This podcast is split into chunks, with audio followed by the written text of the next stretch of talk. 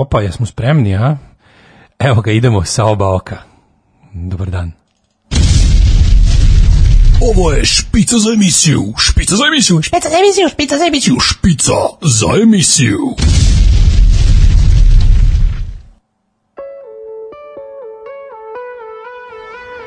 Yeah! Ovako sam ikada imao opravdanje da budem usemljeni jahač kroz radijske talase, taj beogradski stari uh, frajer koji nikako da odumre, taj prele, taj usemljeni uh, glas u noći koji ide popodne sticam okolnosti. To je danas nemam povez na oko, jedva sam izdržao. Mislim, imao sam neki, sećam se kad smo mlađi i ja glumili oni nekoj blam reklami za pizzeriju Karibika, bila su to takva vremena, bili smo mladi i trebali su nam pare, pa smo ovo, imali i rekvizite, bili smo pirati.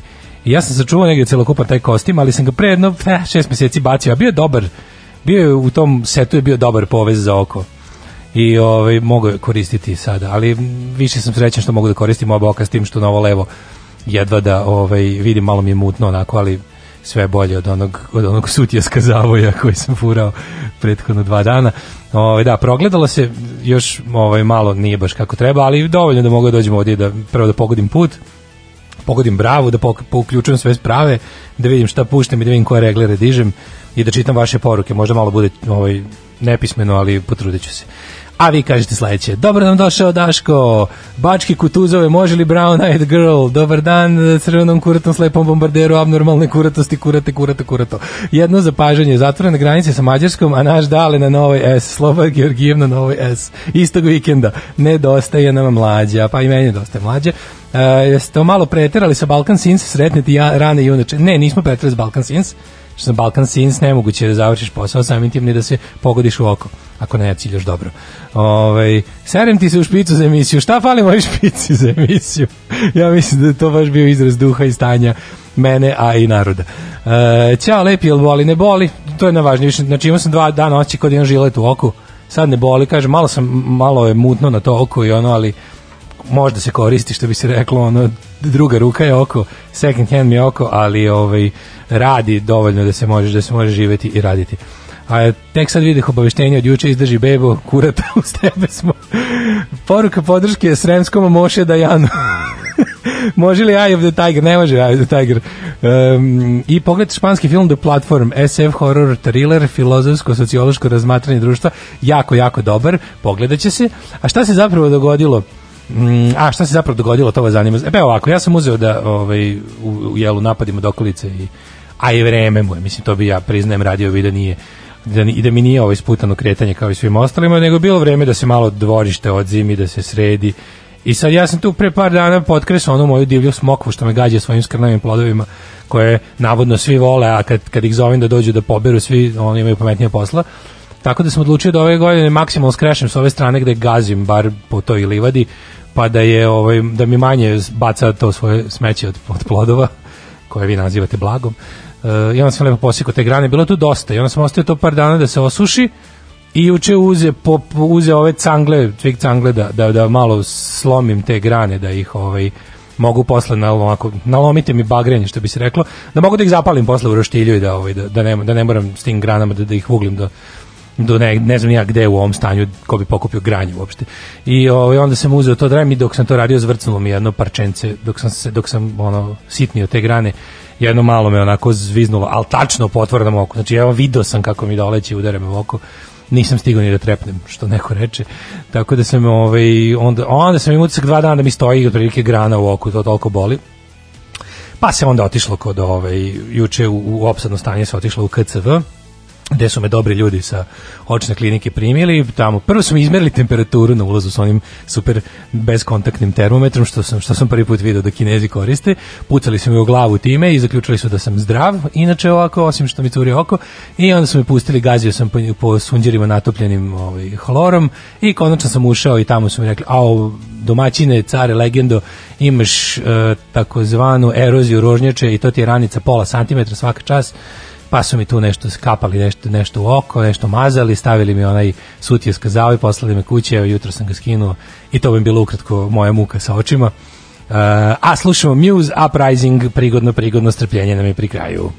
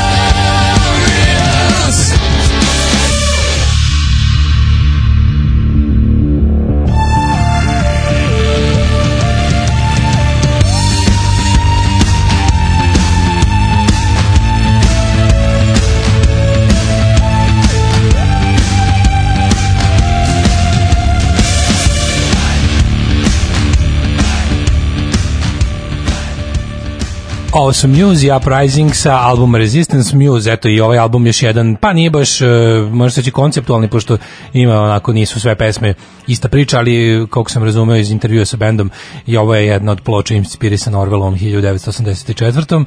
E, uvek podržava motive pobune i ustanka u muzici, a i u životu. E, ljubim te u oko za Muse, da u ovo jedno zdravo. Pa kad sam zaustavio partizansku eskadrilu, hvala. Pozdrav Perhane, možda ozdravljenje, Mouthful of Shit, Čamba Vambe. Slušali smo Čamba Vambu pre neki dan, malo ćemo da šaramo danas. Bili smo mladi, trebalo su nam pari reklama za picu. Jel to najava za gej porno uradak tebe i kvazi aforističara? Ne, to je nešto još gore. Ja bih više voleo da sam neke stvari ovaj, uradio jednostavno samo tako, bio gay for pay ili slično. Ali znate šta, kada radite na ovaj, kako bih rekao, jednoj onako ne baš puno umnoj, uh, što ne reći, malo umnoj, komercijalnoj uh, radio stanici, onda jednostavno nije baš sve onako kako ti želiš. Dugi put bio do toga da radiš sve kako ti želiš, kada ti želiš i koliko ti želiš, uh, dug i trnovit, ali znaš, u tim početcima jednostavno si u radnoj obavezi imao tako da se blamiraš sa raznim tim komercijalnim promotivnim akcijama. Nema veze što si ti uvek imao neku bolju ideju ili nešto što si teo da predložiš da to bude malo manje blama, malo više čak i svrsishodno za ono ko je naručio takav zadatak. Ovaj nešto se jednostavno moralo ovaj raditi. Šta, ali vidite, mislim da ni danas nije bilo tamo. Ja razumem to sve.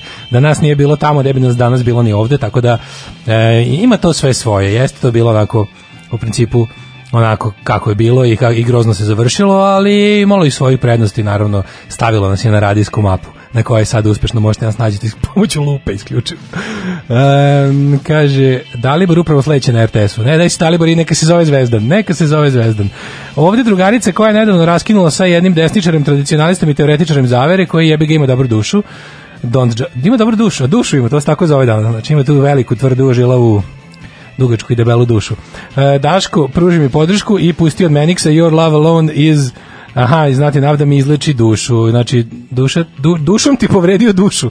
Sad moramo mi da lečimo. Ajde, snađi ćemo se nešto. Vidjet ćemo, ako ne budu neki menikse, bit će nešto slično. Ali znate da mi ovde ovaj, u ovim teškim vremenima furamo te pesme koje su ili onako, primetio sam da sve pesme koje biram su ili ono kao, e, kao, bit će sve u redu, samo treba da se svi otprilike zajedno podignemo i krenemo, a druge su ono kao, jao, kako tužnih ljubavi ima, baš nešto razmišljam. Uh, pa kaže ovako, Pozdrav kapetane, dobrodošao nazad. Mogu si i danas da iskultiraš, ali jebi ga kad voliš seksi sredu. Volim vas, deco moja. Ja ne radim ovo zbog sebe, ja ovo zbog vas, a lažem, radim zbog sebe. Tako da, ovaj, rekao sam odmah na početku, moji altruistički motivi su u isto vrijeme i krajnje egoistični, tako da meni ovo dosta znači, a nadam se da i vama, a ovaj, po, ovako po reakcijama i po odzivu bih rekao da je na obostrano zadovoljstvo. Šta smo imali od prethodnog viđenja?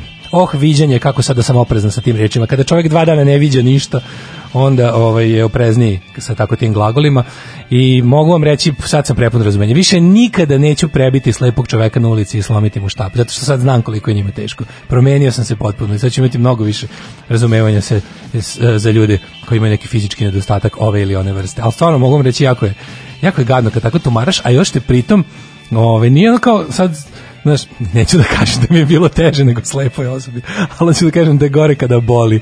Znači, imaš utisak da ovaj, u jednom od oka imaš žilet koji stalno tareš, ali to oko htelo ne htelo, makar je tako bilo poklopljeno, se pomera levo desno i onda imaš utisak da ga one prilike još mirglu, ono, vučeš i onda to, a ljudi moji, koliko čovjek može da plače.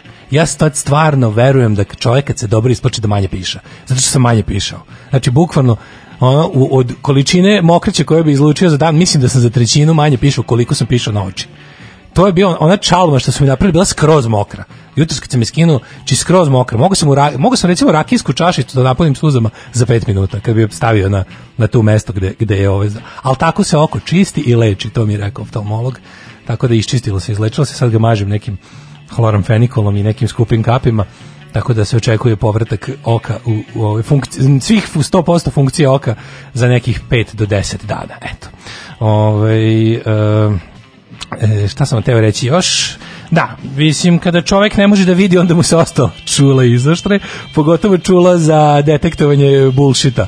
A majko milo koliko ga je bilo, znači, ja ne mogu da verujem, znači, ono je, mislim, sad je bar jedna stvar potpuno jasna, a to je da je ovo tako jedno lupetanje, i da je kao i sve ostalo. Znači, ako je bilo nekakve ako je bilo nekakve samilosti, empatije, solidarnosti, zdravog razuma i ostalih stvari na, u onim nekim najgrđim, ne kažem najgrđim, ali svakako početnim danima epidemije, kada zapravo niko nije imao a, tačno predstavu o tome koliko je veliko i koliko je, šta, s čime zapravo imamo posla, kako vreme odmiče sve je ono jasnije, ali mislim, ja se jedino pitam da li će ljudi koji to pre nisu videli sada valjda videti.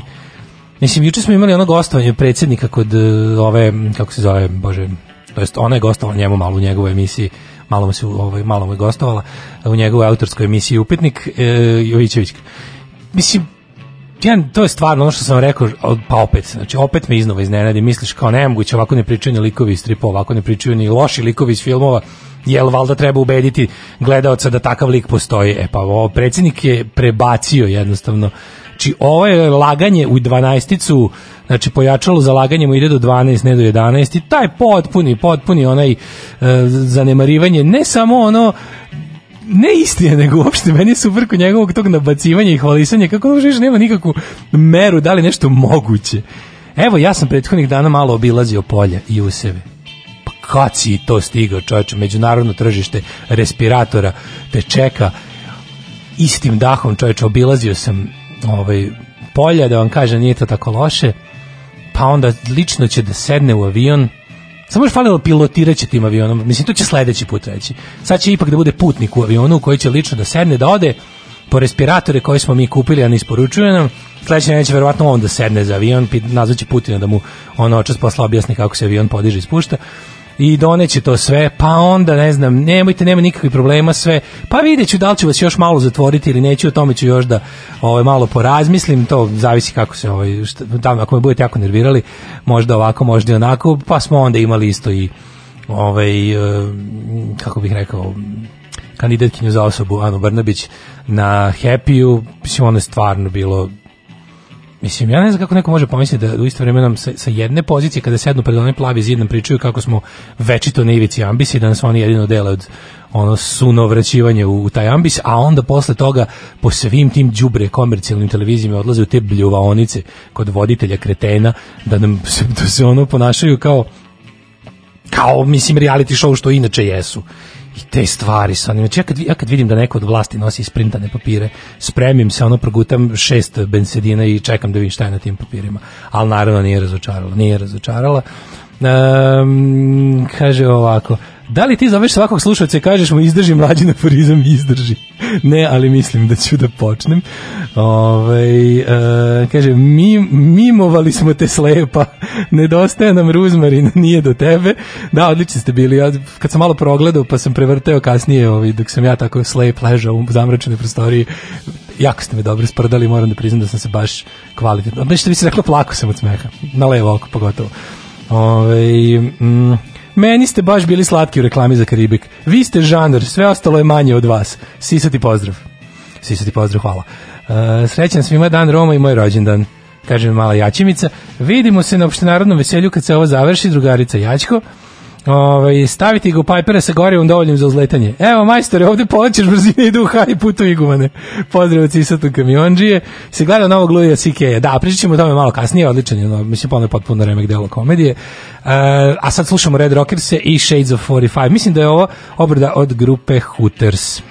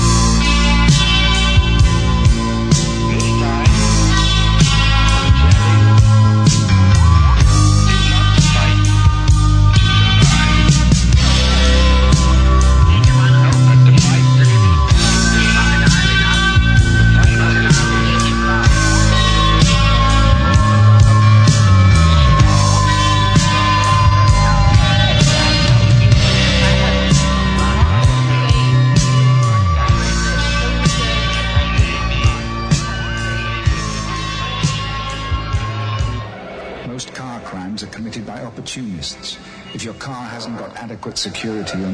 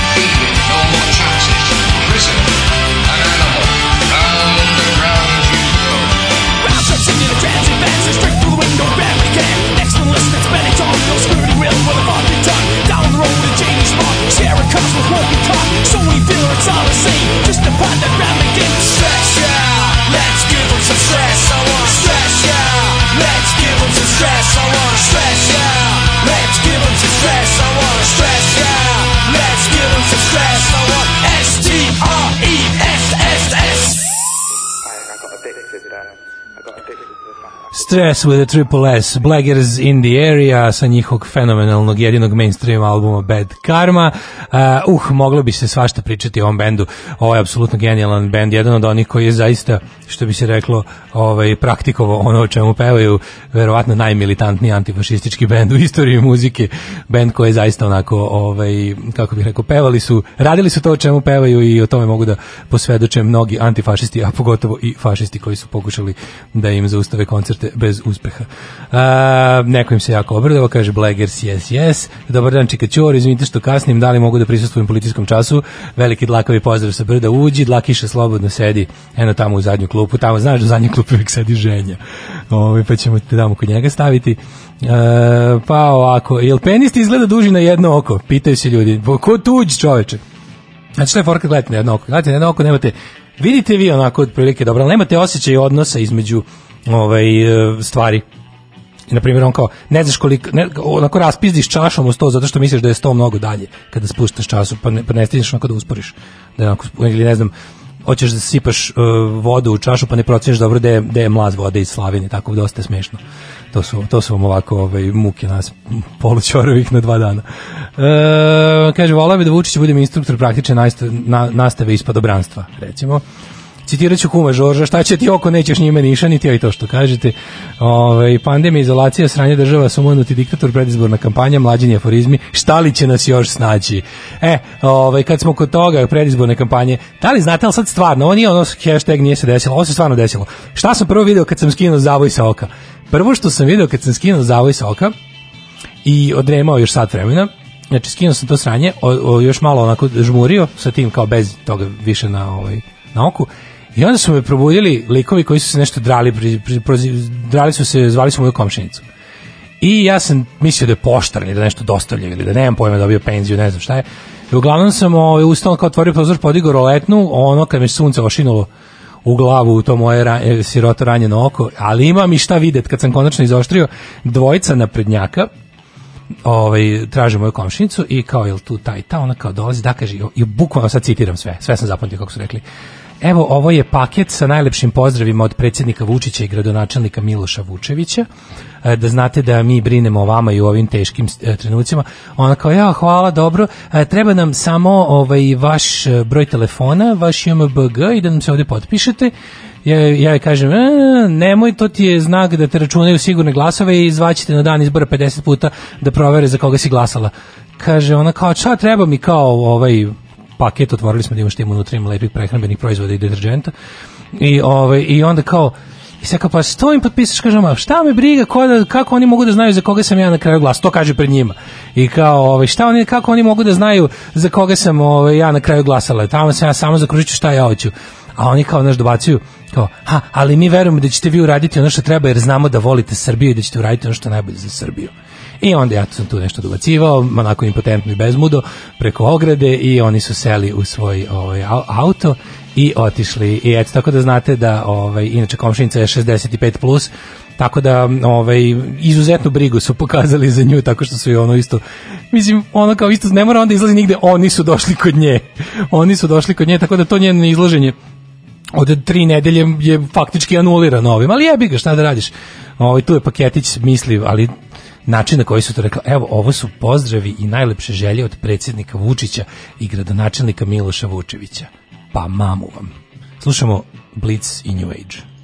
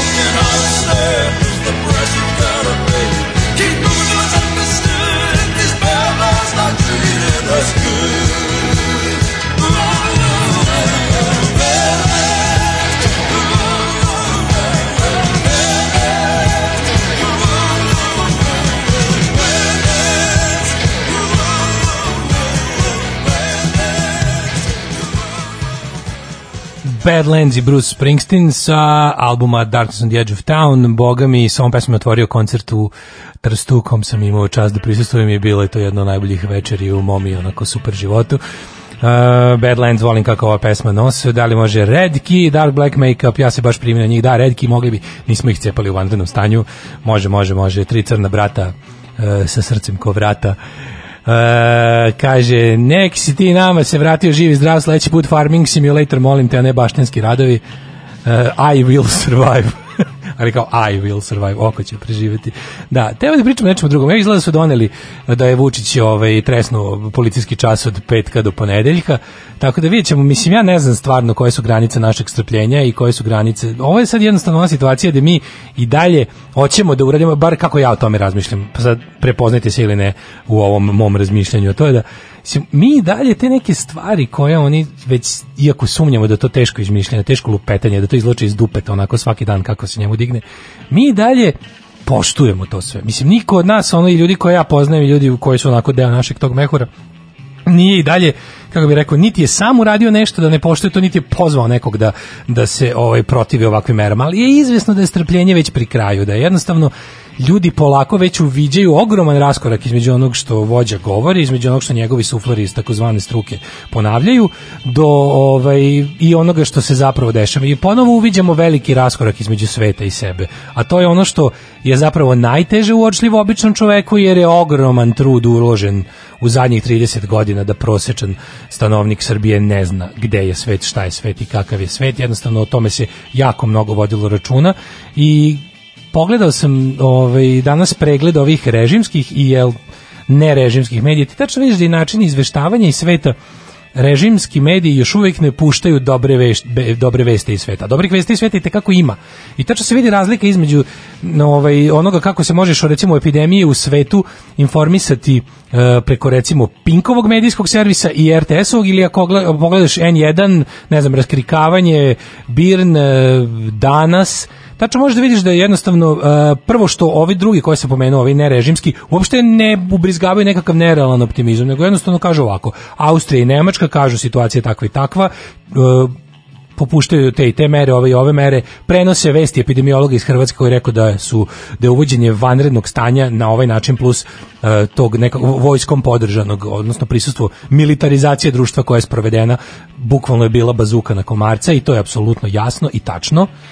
To je jedna stvar. Drugo, ti vidiš da ovi režimski mediji izveštavaju otprilike kako je ono u svetu sada gore nego pre ne znam nija koliko da uopšte pokušava se slika globalna zacrniti da bi se mere i ovo nesnalaženje i tumaranje u magli i menjanje pravila e, svakodnevno da bi se opravdalo nekako da bi se stalno e, insistiralo na tome kako eto i drugima teško. A istina je da smo mi i Mađarska i Grčka zapravo jedine zemlje koje su u pravom smislu u, u okviru svojih ustava kako ih, kako ih ustav tih zemalja tumači uvele vanredno stanje ostale zemlje nisu tako postupile i sad šta, Vučić je rekao da bi ga mogao u narednih mesec dana i ukinuti, što naravno ne znači da bi značilo ukidanje i verovatno će onda uraditi ono što je trebalo da uradi iz početka, da će vanredno stanje preinačiti u vanrednu situaciju koja će e, moći da se lokalizuje u smislu da će različite opštine imati različite režime koji će se morati poštovati, odnosno neće više sve što se donese važiti jednako na teritoriji cijele zemlje.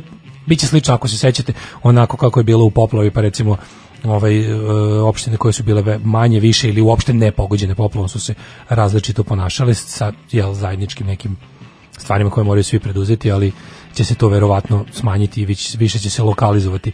Drugo o čemu sam želeo da pričamo je respiratori. Čuveni respiratori koji su sada postali, ja ne znam. Ja kada sam bio klinac, pošto je moj stric radio u Jatu, Ovaj i mi smo imali otac kad god bi sestra i ja nešto tražili da što a oskudevali smo vala u svemu, on je nama stalno govorio magičnu reč biće svega samo da stric proleti. Stric naravno nikad nije proletao pošto je to prizemljivanje jata trajalo ono 15 godina. I naravno sve što smo tražili bilo e tako meni sad se čini da ovaj jednostavno sve što sve čega nam je falilo, sve čega je trebalo da bude, a nije bilo, sve nam je to bilo nekako ono kao doneći nam stric čim jad proleti.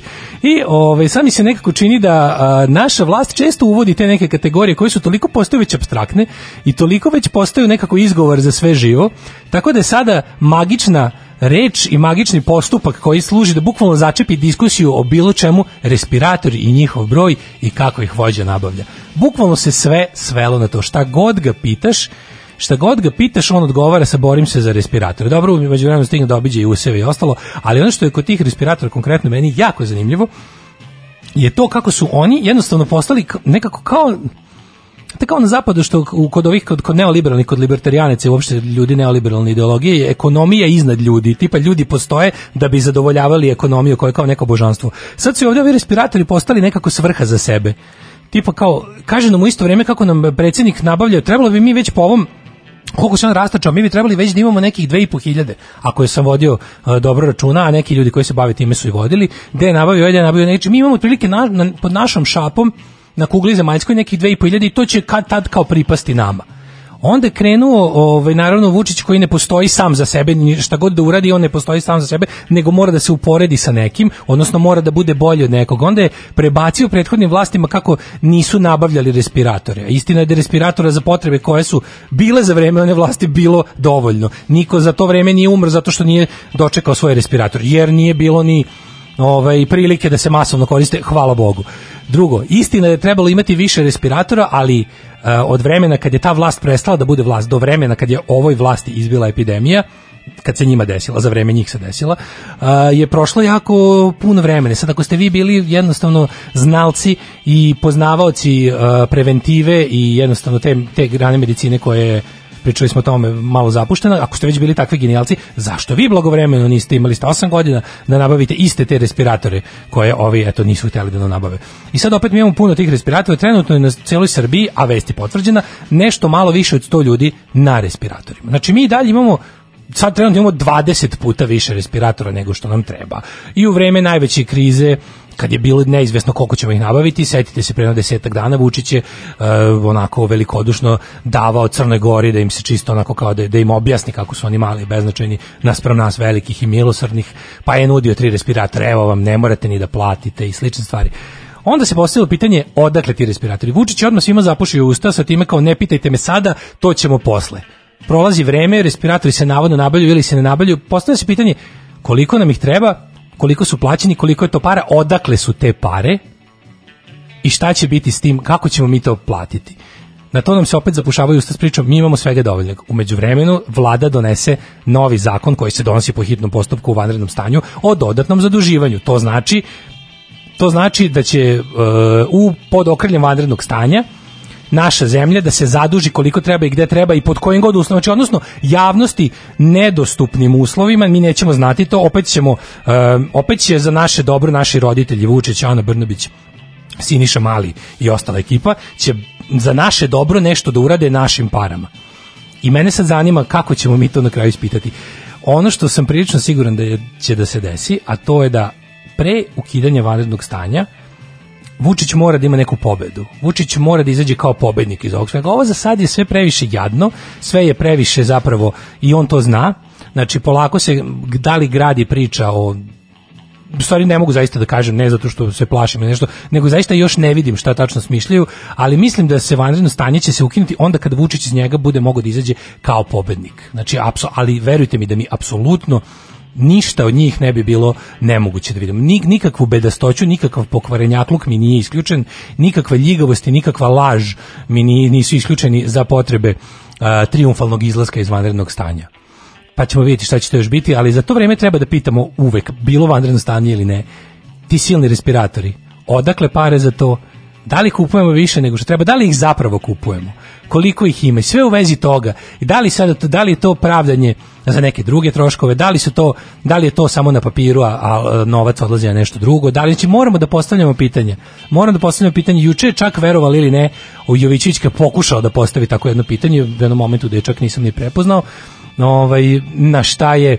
Vučić opet odgovorio onako Vučićevski, tipa na svako kršenje protokola i zakona i ustava i pravila je odgovorio sa onim svojim a šta sad ovi koji su pogrešili u frci, treba da im odsečemo glavu kao da u uređenoj zemlji i normalnom društvu ne postoji ništa između sečenja glave i nečinjenja ničega. Pa valjda postoje zakoni, valjda postoje pravila.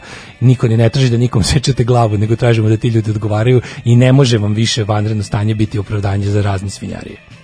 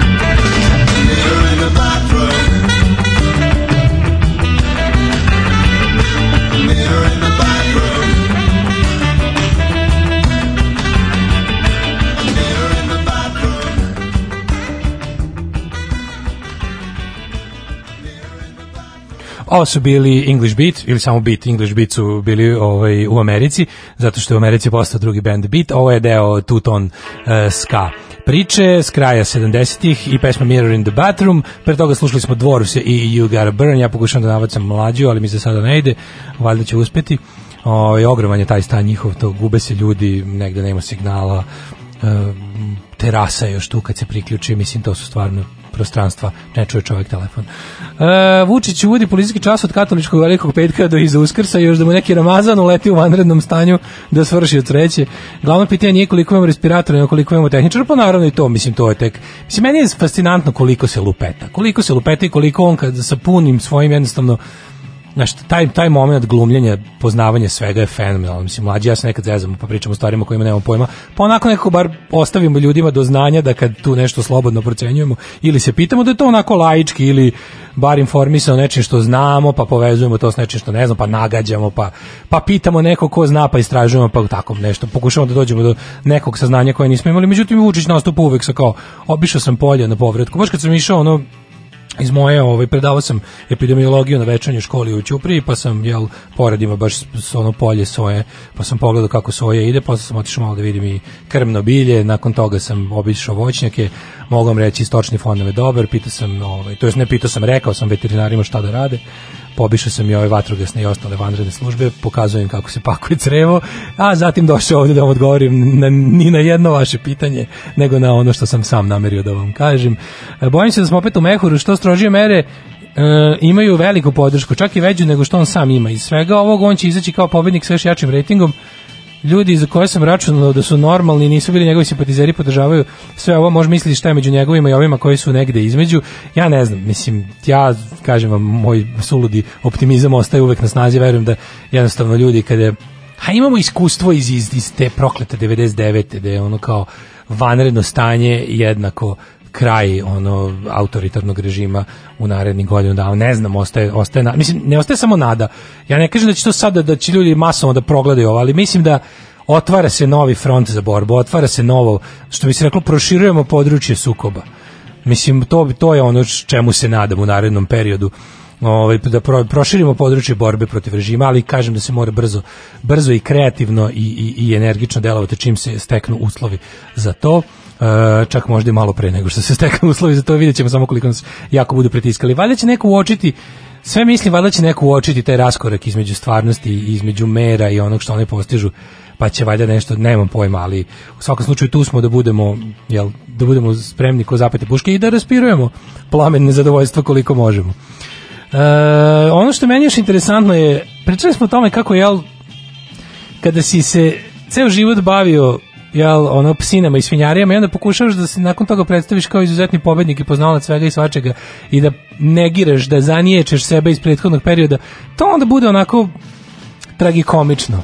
Ja, evo, na primjer, juče je izjavio šta nas izdvaja kao od situacije u okruženju. I onda je rekao, nas je jako uhopalo i ponovio onu kretensku i bezobraznu i po meni neš, najnedržavničkiju stvar koju je izgovorio možda u celom vanrednom stanju, a to je eto kao nas su zajbali ovi što su došli naši ljudi koji su otišli u stranstvo i tamo jel su osvatili da nemaju mogućnost zdravstvene zaštite, uh, oni su se masovno vratili ovdje i oni su nam doneli svu bedu koja je ne znam. Mada opet istini za volju, ja moram da da kucnemo šest drva, onda da kažem, izvinite li, ono kao naša situacija i dalje nije ni blizu nikakvog apokaliptičnog scenarija, znači ti svi tih 400.000 zlih gastarbajtera koji su se vratili nam nisu doneli smak sveta ovde za sada, a već je izvesno da nam ga nisu ni doneli uopšte, jer je prošlo dve, tri nedelje od tada, ko je, znači, ko je u toj turi imao nešto da dobije, već je verovatno dobio. Znači, od tih, ako smo posle toga zaista zatvorili granice, trebalo bi da je to bilo to. A to nije bilo ni izbliza nikakve Španije i Italije,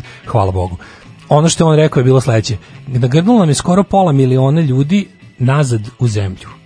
Što znači šta? Znači da je pola miliona ljudi otišlo iz ove zemlje.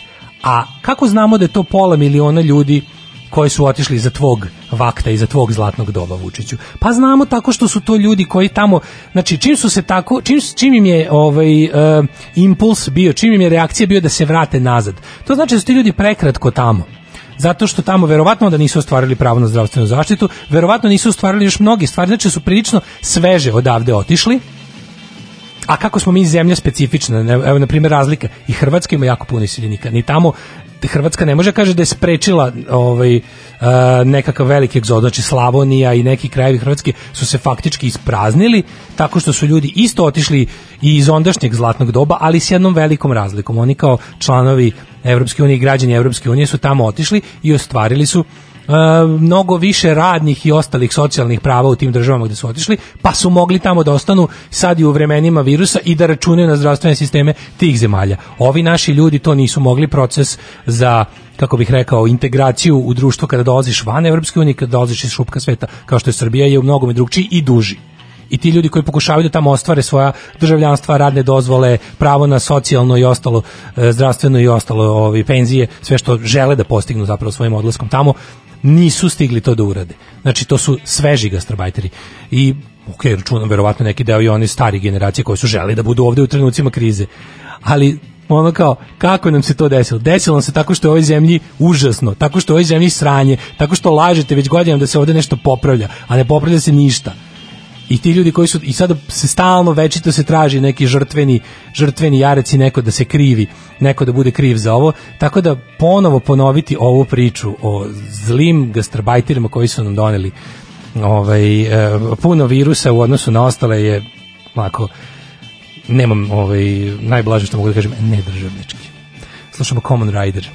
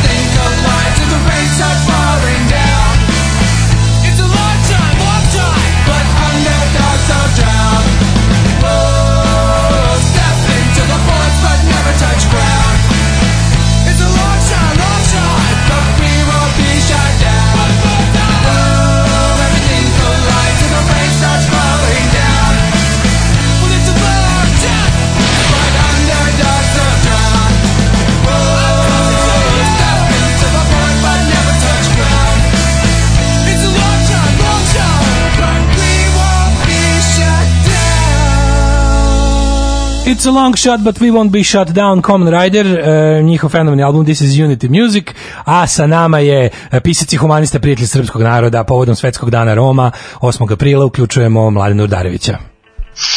Ćao svima, pozdrav, da me načas plače sa slaka čaj. Šta ima novo? A Kulturako Re, Arecife, se tako zove. Kako se zove emisija? Kulturako Zdrako, resi- resipe. Arecife, da. S nama je ovaj, Mladen Urdarević, um, e, e, kako se to kaže, E, pe- pesnik, trgovac konjima, pušač lule. Tako je, tako je. Ovaj, možeš, mogu za ovaj dan da odbrojim eh, na romskom do 10. Ajde, ajde. Tri štar pančiš ove, što ohta i deš. Hvala puno. Hvala, razbiješ. Ovaj, da, razvaljujem, šta da kažem, moram, to sam za, za najlon učio.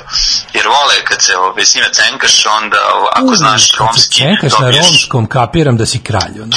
kralj si, onda ti pusti, spuste cenu, kaže, ono, svaka ti čast, care, tako za ovo i dobro prolazi. Mladene, Tako, kaži, umalo kaži, da ostanem, ti si jedna zenica oka mogu, umalo da ostanem druga zenica oka Znam kako je strašno to, ja, ono, ti si doživeš takozvani Zenicu ili Ja kako, sam, ono što se dogodilo. Ovo, razzeničio sam se. Pa gdje ćeš, gdje ćeš na, na, na žilavu smokvu sekirom? Samo da ti je- kažem, to je bila osveta mrtve smokave. Znači, ja sam nju prvo ocekao i ostavio to granje da se suši dva dana i onda došao da ga malo ono kao skratim da bi mogao da ga spalim. I tu je kurva, tu je kurva mrtva vratila. Vratila sam, pa smokva ti je, kako bi ti rekao, u dendrofilskom Biblijska, bi, svetu. bibli, biblijska gadura. De, de, tako, u dendrofilskom svetu, to je dosta poznato, smokva je kao Sadomaso. osa. U dendrofilskom svetu ti je... 10 dana mrtva, ako je pipneš, ona može da te bocne onom žalkom, iako je potpuno mrtva. To je mala zanimljivost kod smokve. Samo još smokva i filadendron to mogu da urade. Dendrofili mazohisti idu kod smokve jer ona jedina vraća. Znaš, ona jedina ljubav, kada... Kako ne, kako Znači, ne. Mnogi misle, mnogi misle da idu kod ruže, međutim ne, smokva je tako. Jeste. je. Hoće, ma ne, ne, kaže, kada, e, ako oni što grle drveće, izbjegavaju smok, znaš. Jeste. Jer smok hoće da šamare. Isto, da ja sam to saznao, hoće pokud raspizdio. Pa hoće, hoće da Ja sam vikao njoj, nemoj u oči. Kažu kaže, da, kažu da smok vam mrzi ove što, što, što, što grle drveće, kažu da to lici morno da ih nervira. I kao sklanjajte se od smoka, ne grli smoku. Još je meni majka govorila, sine, ne grli smoku. Da, da, znam Dok me karala. Dok me karala. to je istina. Da, da, da. Kaži mi, da. mladene, ovaj, da li se spremate za do sad najveći policijski vikend? Evo, najavili su da će od petka do nedelje, znači nema ni subotu ujutru. Znači, A nisu rekli ko je, nisu rekli ko je. A nisu rekli da će- a, moguće. Pa ne, od petka pa će dalje reći ko je. A, Da, da, da, da, treba da, izdrž, pa ne znam kako će ljudi, stvarno, ja sam smislio jedan fazon u to ime. Au, majke. Da, ovaj, kako se zove, ja bi to nekako dao ovaj, kroz... Šalu je sve teže, jel Pa, da?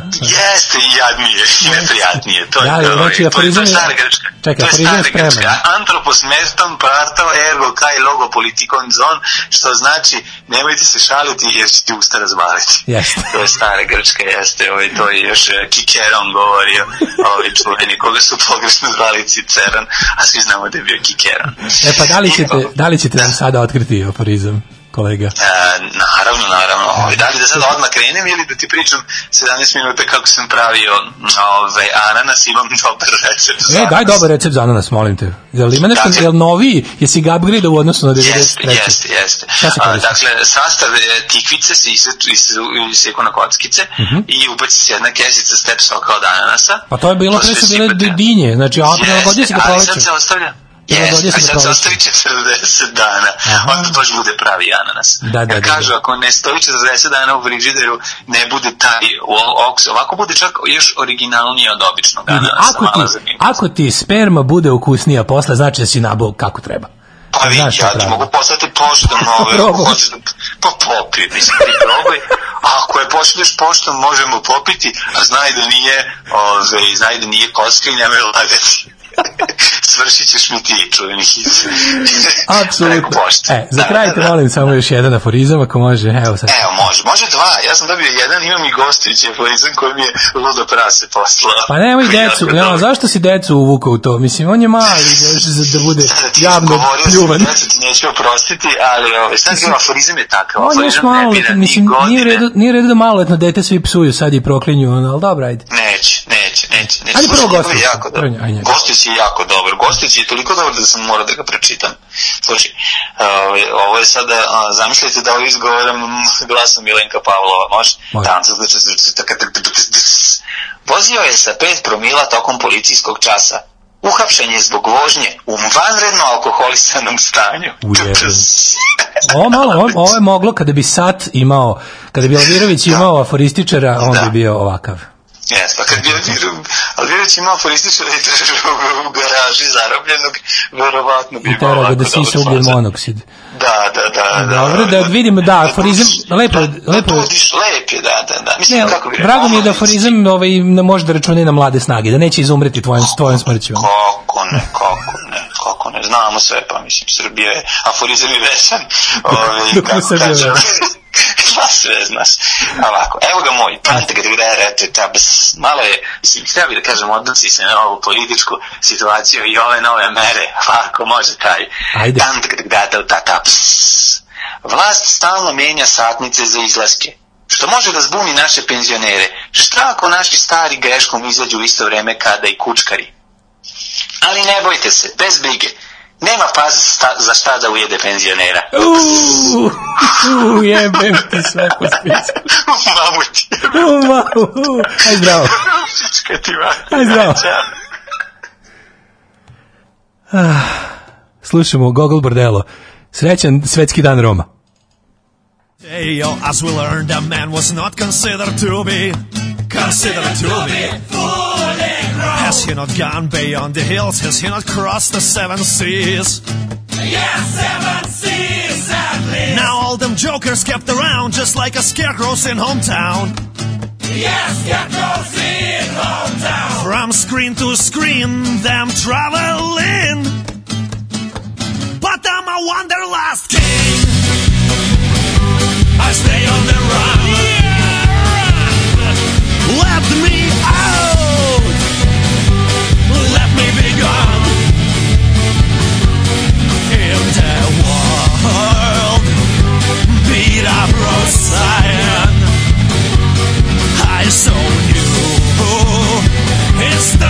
of a time. New history of da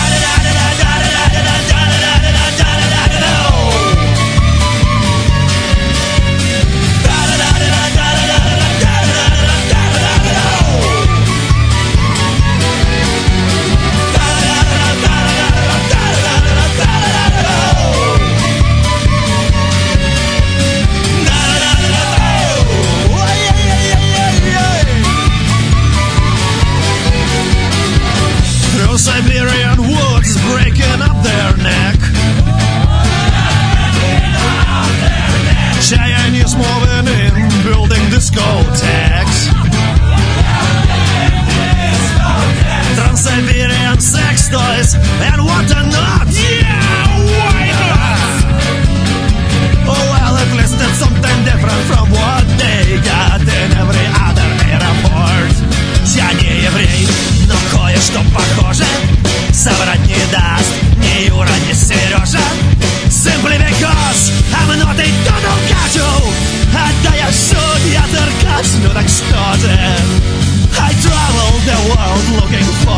understanding Of the times that we live in. Hunting and gathering first-hand information Challenging definitions of sin. I travel the world looking for lovers of the ultimate beauty but never selling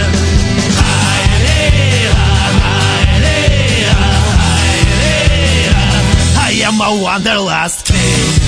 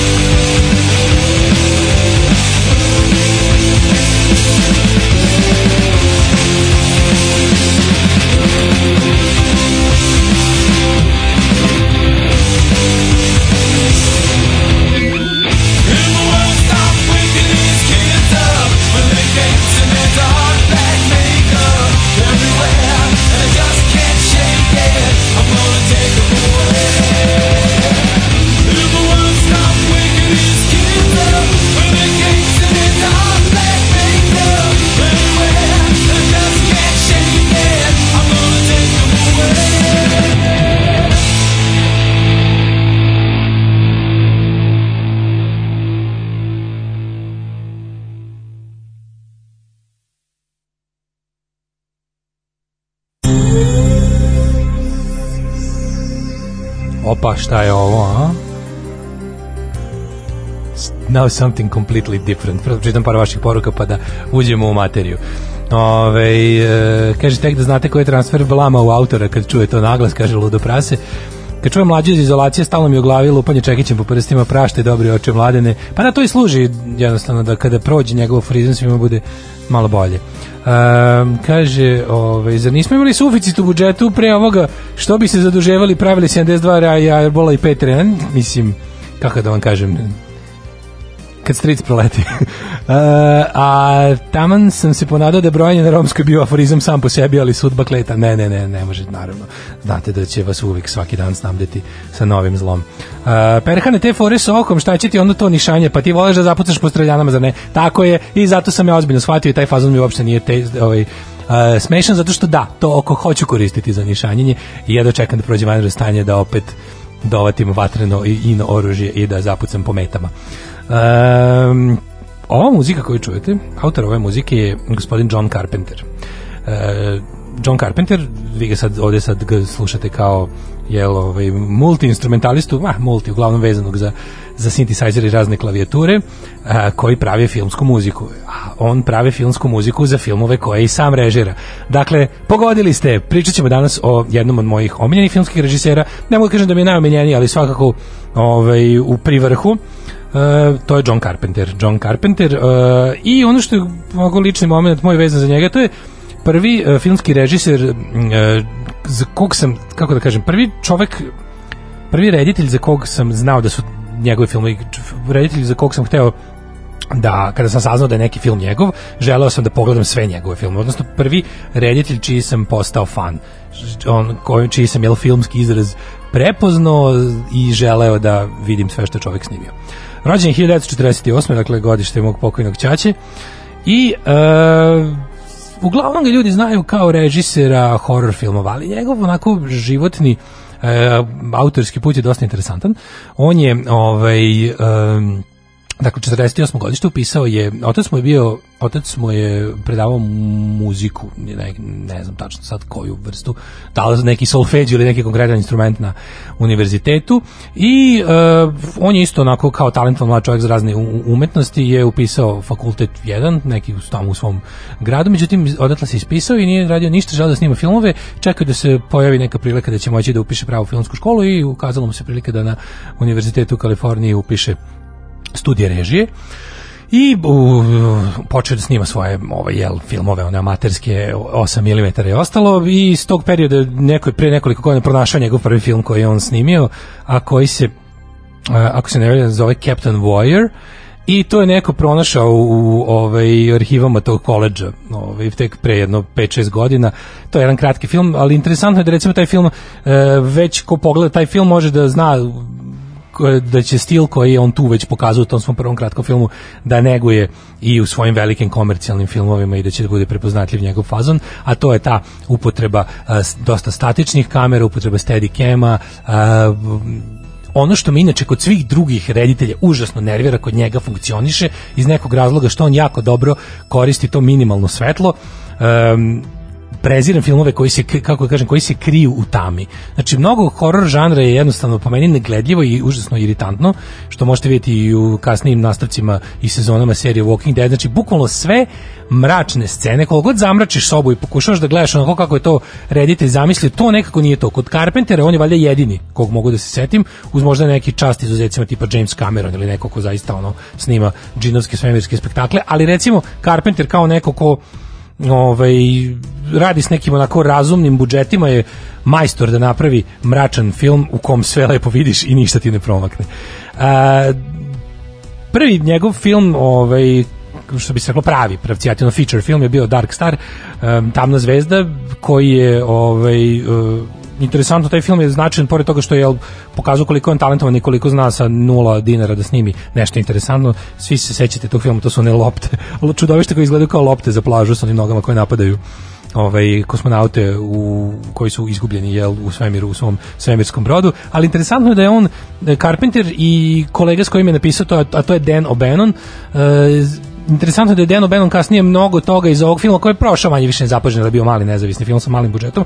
On je e, zapravo te ovaj, uh, teme iz tog filma izuzetno posle iskoristio u Alienu koji je bio jel, ogroman film i koji je uh, Dano Benona ustoličio kao jel, majstora žanra. Nakon toga sledi film uh, Napad na policijsku stanicu, znam da je recimo mlađi to jedan od najomiljenijih filmova i tu vidimo i Carpentera kao odličnog ovog, kako se kaže, music score čoveka, odnosno Carpenter je tu režirao, montirao, bio onako 70 puta se pojavio na špici, čak mislim da ima i neki mali cameo appearance, odnosno pojavljuje se u jednoj od sporednih uloga u filmu, ali je interesantno da je to stvarno genijalno uklopljena muzika sa ovaj filmom i Carpenter je uvijek smatrao da bi ako postoji šansa ako ako reditelj i ima muzičkog talenta treba da se i kako pača u, u muziku u svom filmu. E onda ovaj e, dolazi na red njegov film gde počinje njegova saradnja sa producentkom Debrom Hill i snimaju pa jedan od filma koji je promenio zauvek shvatanje i poimanje i uopšte i lice horror filma, to je Halloween, Noć veštica, jedan od najstrašnijih horror filmova koji, boga mi, kako izdržava test vremena, možete ga pogledati bilo kada neki filmovi koji su međuvremeno prestali da budu ovaj, izgubili na strašnoći iz ovog ili onog razloga, to Carpenterov film zaista odlično podnosi i svi delovi snimljeni kasnije i ostali remake pošto je to izraslo u pravu franšizu gde je on jednostavno nije imao ovaj, finansijsku kontrolu nad, nad tim ovaj, filmom i producentska kuća koja je napravila ga je posle prodala drugim uh, producentskim kućama i rediteljima da od toga pokušaju da izvuku i zadnji dinar što su ovi manje ili više uspeli. Uglavnom Carpenter imao uh, reditelj je bio prvog dela i kasnije se posle pojavio kao koproducent ili neki izvršni producent u nekim od onih kasnijih delova koji stvarno nisu ni izbliza dobri, ali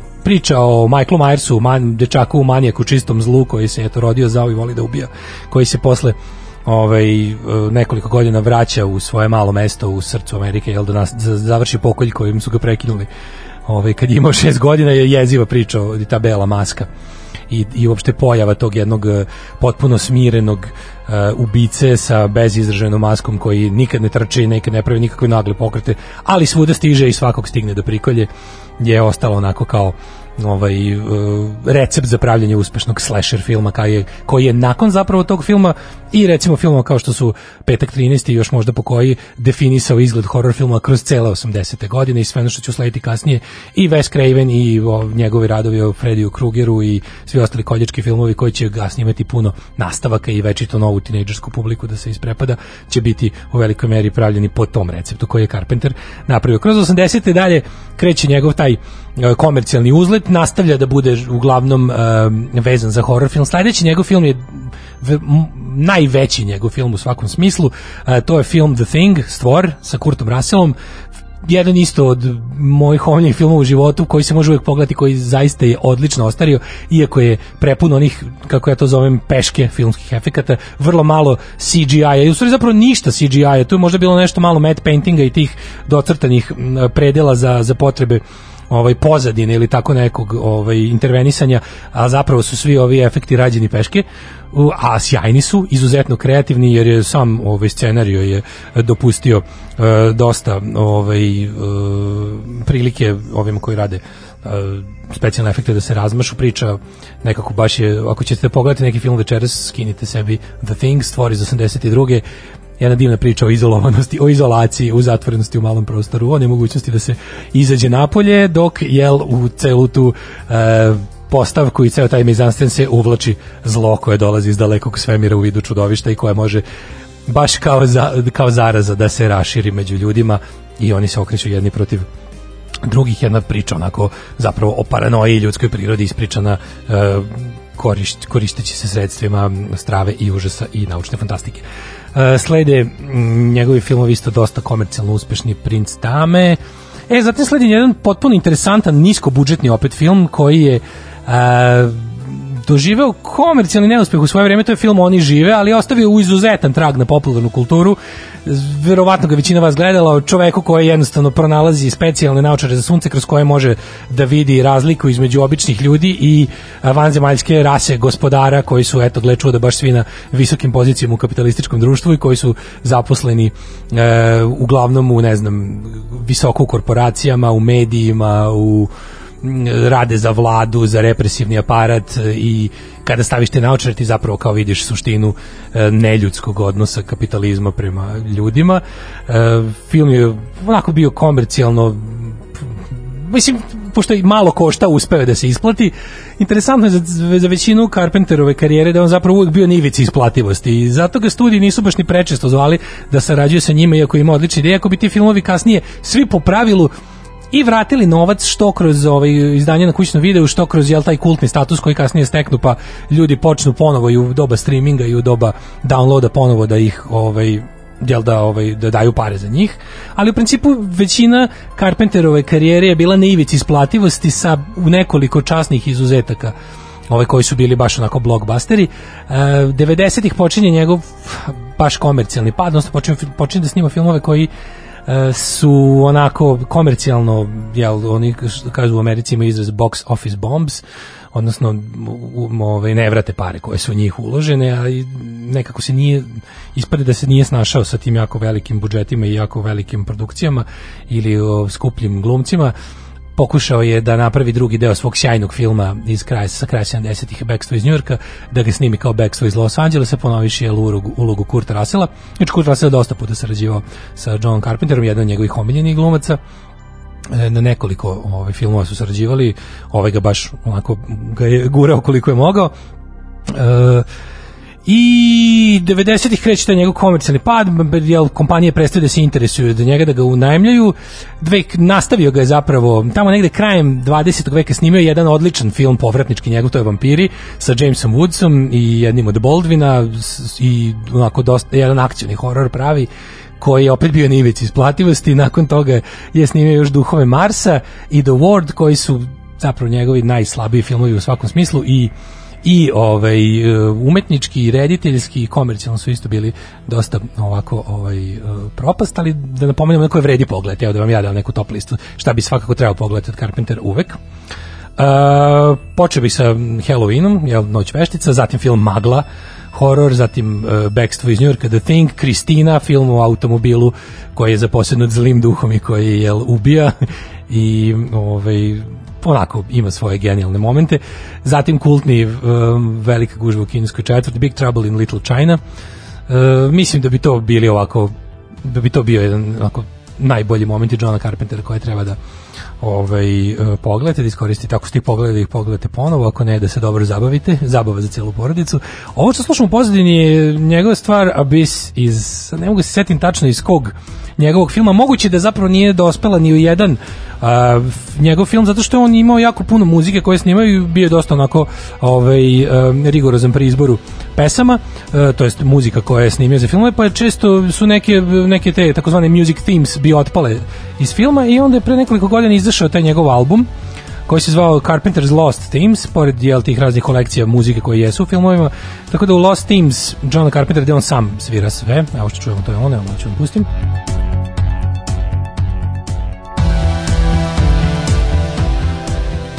Uglavnom su to neki teški sintisajzeri, minimalizam i, i, i repeticija, kao neki recimo ovaj, malo avangardni evangelis, može tako da se kaže. E, okrenuo se u posljednje vreme jel, od neku vrstu filmske penzije otišao, ali je o, aktivan je više kao muzičar, što više ima i nekoliko živih nastupa što pre nikad nije radio i u, posljednje vreme više izdaje albume sa muzikom nego filmove, ali kažu poznavaoci da najavljuje i neki svoj ovaj e, povratak. Ja se nadam da će to da uradi na način na koji je mnoge dobre, a ne toliko komercijalne reditelje spasao, to je kroz neki crowdfunding i da čovjek snimi film kakav želi bez diktata studija, a da mu fanovi omoguće sredstvo za to. Eto, to je bilo kratko upoznavanje sa Johnom Carpenterom, preporučujem ove njegove filmove da pogledate. A, za kraj slušamo Dead Boyse i čujemo se sutra.